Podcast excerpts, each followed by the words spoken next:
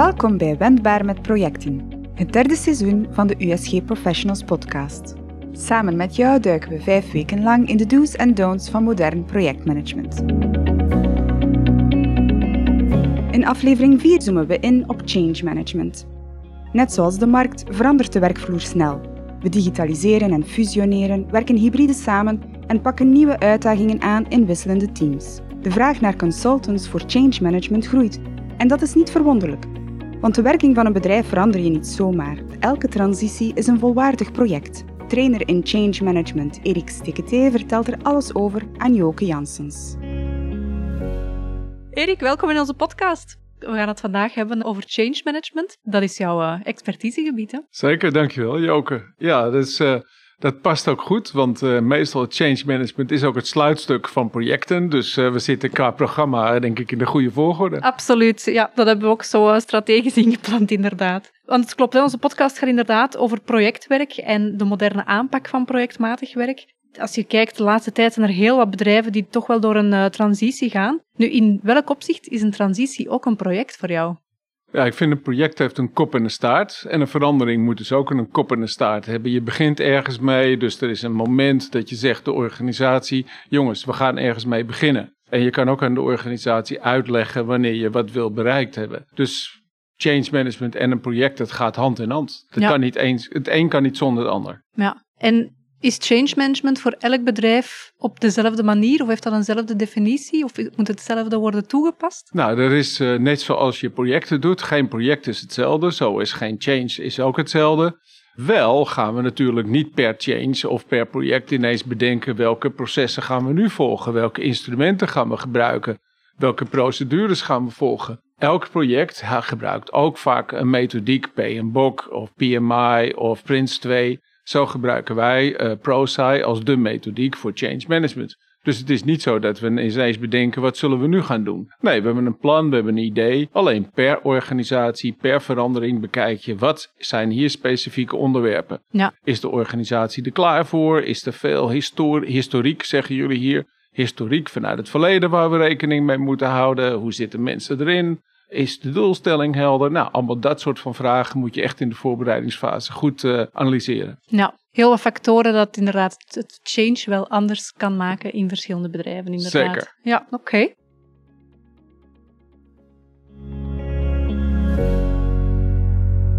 Ja, we kennen elkaar ook al langer. Je werkt ook uh, geregeld, uh, of je doet geregeld ook opleidingen voor USG Professionals. En daarin laat je ook vaak weten dat de focus op mensen ligt in plaats van op de technische kant. Kan je daar nog eens even dieper op ingaan? Ja, at the end of the day, het zijn mensen die iets gebruiken of die een proces blijven volgen of die een systeem uh, feitelijk gebruiken.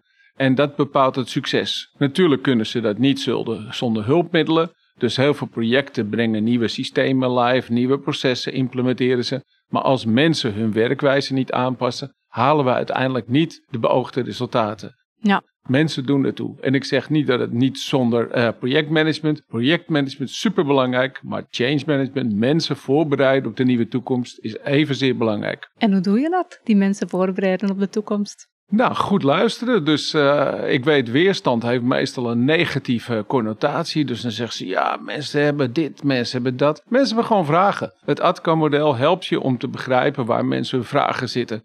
Dus we begrijpen, we vragen mensen, snap je waar we mee bezig zijn als organisatie? Begrijp je waarom deze change nu nodig is? Als mensen dat niet snappen, dan is, we weten uit uh, de research, dat is de eerste reden en belangrijkste reden van weerstand. Nou, dat wordt doorgaans slecht uitgelegd. Dus dan noemen we het weerstand, maar we zijn niet ingeslaagd om mensen vragen te beantwoorden. Ja. Veel mensen hebben de vraag daarna van wat betekent deze verandering voor mij? Ik zie dat veel managers daar ook niet duidelijkheid in verschaffen. Dan zeggen ze ja, je moet gewoon digitaal werken. Oké, okay, wat? Ik, ver, ik werk momenteel zo. Wat verwacht je dat ik anders ga doen? Ja, gewoon in de cloud. Nou, dat is geen antwoord op een vraag. Dus je moet ook heel veel managers moet je bij de hand nemen en ja. uitleggen. Ja. Dit is hoe we mensen anders willen laten werken. Ja.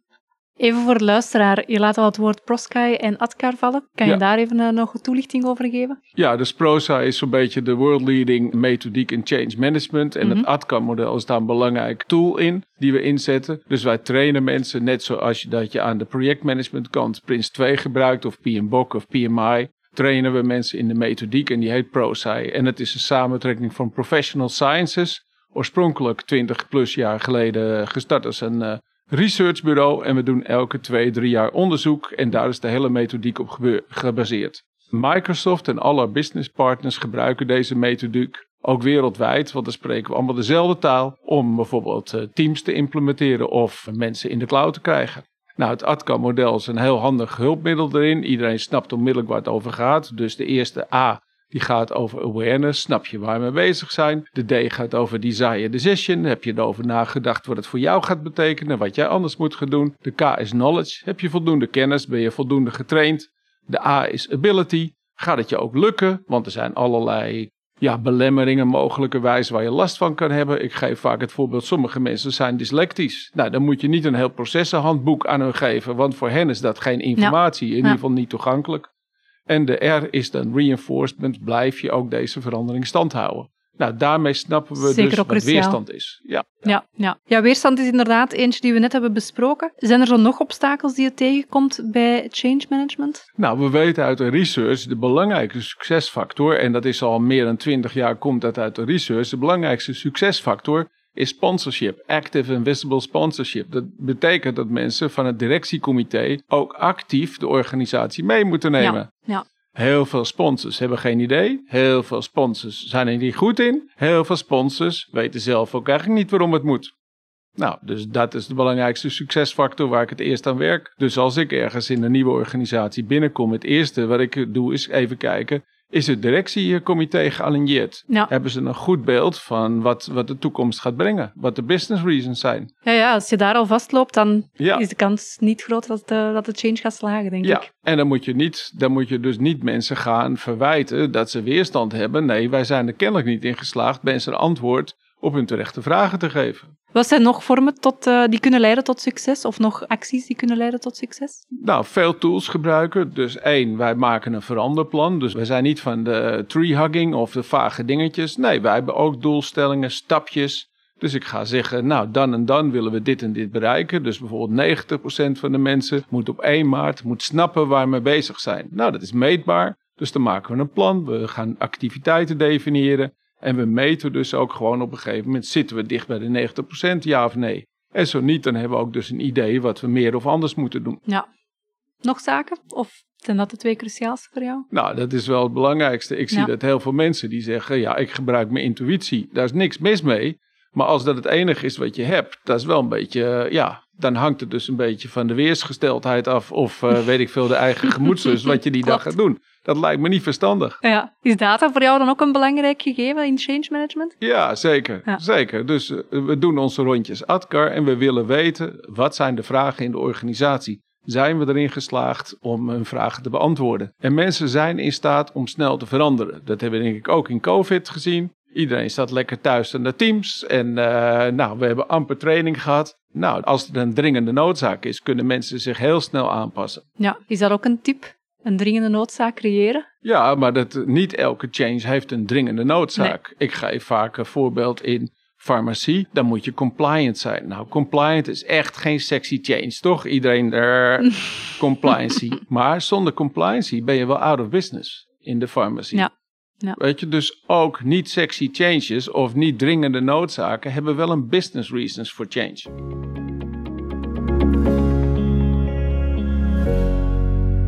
Erik, hoe zorg je er eigenlijk voor dat de mindset in een bedrijf geïntegreerd wordt dat veranderingen duurzaam moeten zijn? Ja, duurzaam betekent bestendig. Dat betekent één, dat je eerst goed moet weten hoe ziet een nieuwe situatie er dan uit. Dus dat vind ik de eerste stap. Twee, dat je goed gaat benadenken van wat zou mensen nou tegen kunnen houden om dat tot stand te brengen. Nou, als je dat al hebt gedaan, dat is denk ik al de helft van het voorwerk. Dan ga je nog eens even goed bekijken wat zouden factoren kunnen zijn die bijvoorbeeld mensen belemmeren om dit in stand te te houden. Nou, er zitten heel vaak weinig incentives om dingen in stand te houden. Nou, die kan je dus allemaal van tevoren bedenken. Mhm. We weten uit de research, 50% van de weerstand, ik zeg dus nogmaals, dat zijn vragen van mensen. 50% van de vragen zijn van tevoren te bedenken. Dus als je goed met mensen babbelt, zo vroeg mogelijk. Joh, wat zou er aan de hand kunnen zijn waarom dit niet gaat lukken? Wat zou er aan de hand kunnen zijn waarom je niet blijft dit doen? Ja, en het stukje van de sponsors is al zeker aan bod gekomen, maar wat is de rol van het leiderschap in een bedrijf? Ja, ik zie dat de leadership, het directiecomité, als iets live gaat of iets is geïmplementeerd, gaat de aandacht natuurlijk snel uit naar de nieuwe dingen. He, want vooruitgang, maar bestendigen en het borgen van de Ja. verandering is minstens zo belangrijk, Ja. want anders verliezen we het weer. Veel mensen hoor je in de organisatie zeggen van wij maken hier nooit iets af. Nou, dat is een superbelangrijke rol van leadership, van een directiecomité, dat je zegt we maken de dingen af, we houden het in stand en daarna gaan we het ook verbeteren. Dus als ik het goed bekijk, is de rol van een change manager ja, toch wel iemand die moet zien dat hem iedereen mee op de kar heeft. En dan geldt dat voor alle lagen van de organisatie. Hè? Ja, zeker, zeker. We weten ook uit de research dat met name de managers is de groep met de meeste weerstand. Waarom? Zij zitten altijd ertussenin. Zij krijgen de shit van beneden, ze krijgen de shit van boven. En ondertussen moet je de winkel draaiend houden. Nou, dus dat is een lastige rol. Dus dat is de eerste groep waar ik vriendjes mee probeer te maken. ik zeg, jongens, wat hebben jullie nodig om dit nou succesvol te gaan implementeren? Tip van de dag. Nou, dat denk ik wel. Zijn er nog tips die je kan meegeven voor change managers of mensen die aan een project werken en er toch voor willen zorgen dat ze de organisatie mee hebben? Nou ja, change management vind ik dus een vak. Dus dat moet Ja. je serieus nemen. Ja. En er zijn heel veel mensen die hebben wel goede ideeën, maar dan blijft het bij ideeën. Kijk, dus ik heb ook last van ideeën, maar ik doe het wel op basis van een proces. Dus ik heb stappen, ik heb doelstellingen en ik meet en ik kijk waar ik mee bezig ben. Want soms zit je er gewoon naast. Ook een goede change manager maakt wel eens fouten. Er gaan dingen goed en er gaan dingen minder goed.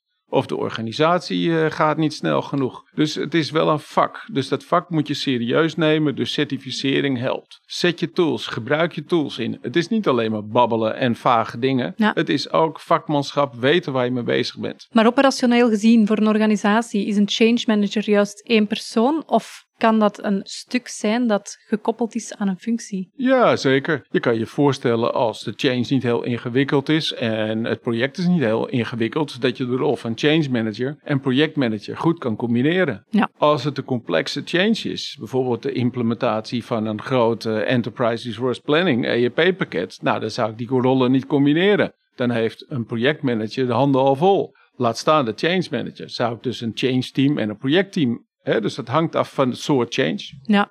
Nu, in een vorige podcast hebben we het gehad over de verschillende rollen die er bij projectmanagement komen zien. Je hebt inderdaad een sponsor, je hebt een projectmanager, je hebt dan ook een technisch architect. Als je deze drie rollen bekijkt, bij wie past het stukje change management dan het beste? Is dat onmiddellijk bij de sponsor of bij de projectmanager? Nee, sponsor is een sponsor. Daar noemen we de dingen ook echt eh, anders. Een sponsor moet de why uitleggen. Die moet de business reasons for change uitleggen. Excuseer eh, de Engelse taal, maar ik bedoel dat het is proza is ook een Engelstalige methode, dus zo trainen we het ook een beetje. Ik zie in projectmanagement begrijp je vaak wat anders onder de rol van een sponsor. Dat is degene die het geld ter beschikking stelt. In change management vraag ik van een goede sponsor dat hij de organisatie meeneemt in het verhaal. Dat mensen gewoon na een goede sponsoractie zeggen van ik weet waar we mee bezig zijn als organisatie. Dat moet een sponsor doen. Ja. Een practitioner is vergelijkbaar zeg maar met een projectmanager. Een practitioner is de change manager die zijn tools gebruikt, die een idee heeft van welke stappen die moet doen. Oké, duidelijk. Erik, is er zelf nog iets aan het eind van deze podcast dat je graag wilt toevoegen eh, wat betreft de link tussen project management en change management? Of net niet de link? Nou, ik, ik zou wel. eh, ik denk dat de luisteraars wellicht hoorden dat ik eh, geen eh, Belg van nature ben. dus, eh, en ik weet dat Belgen kijken vaak op tegen Nederlanders. Die vinden dan, ja, het, schiet niet zo op. Nou, ik heb goed nieuws voor jullie. België loopt qua change management echt voorop op. Nederland. Er zijn meer practitioners in België. En ik vind ook, die zijn doorgaans wat slimmer. En jullie omgeving, laat ik het netjes zeggen, is soms wat ingewikkelder dan in Nederland. Dus België loopt echt voorop. Dus ik zou zeggen, hou dit in stand. Mooi compliment dat we graag in ontvangst nemen. Ja, toch? Super. welcome. Oké. Erik, dankjewel. En eh, graag tot later. Zeker. Dankjewel.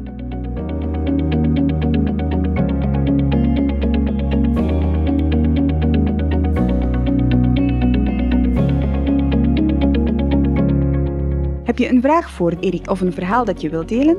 Laat het weten via onze Facebook- of LinkedIn-pagina, via een voicemail of met een mailtje naar info.usgprofessionals.be. Is dit interview nuttig voor iemand die je kent? Vergeet de podcast dan zeker niet te delen. In de volgende aflevering praten we met Agile coach Kim Delgadillo over wendbaar projectmanagement. Wil je dit gesprek niet missen? Abonneer je dan zeker op onze podcast. Graag tot dan.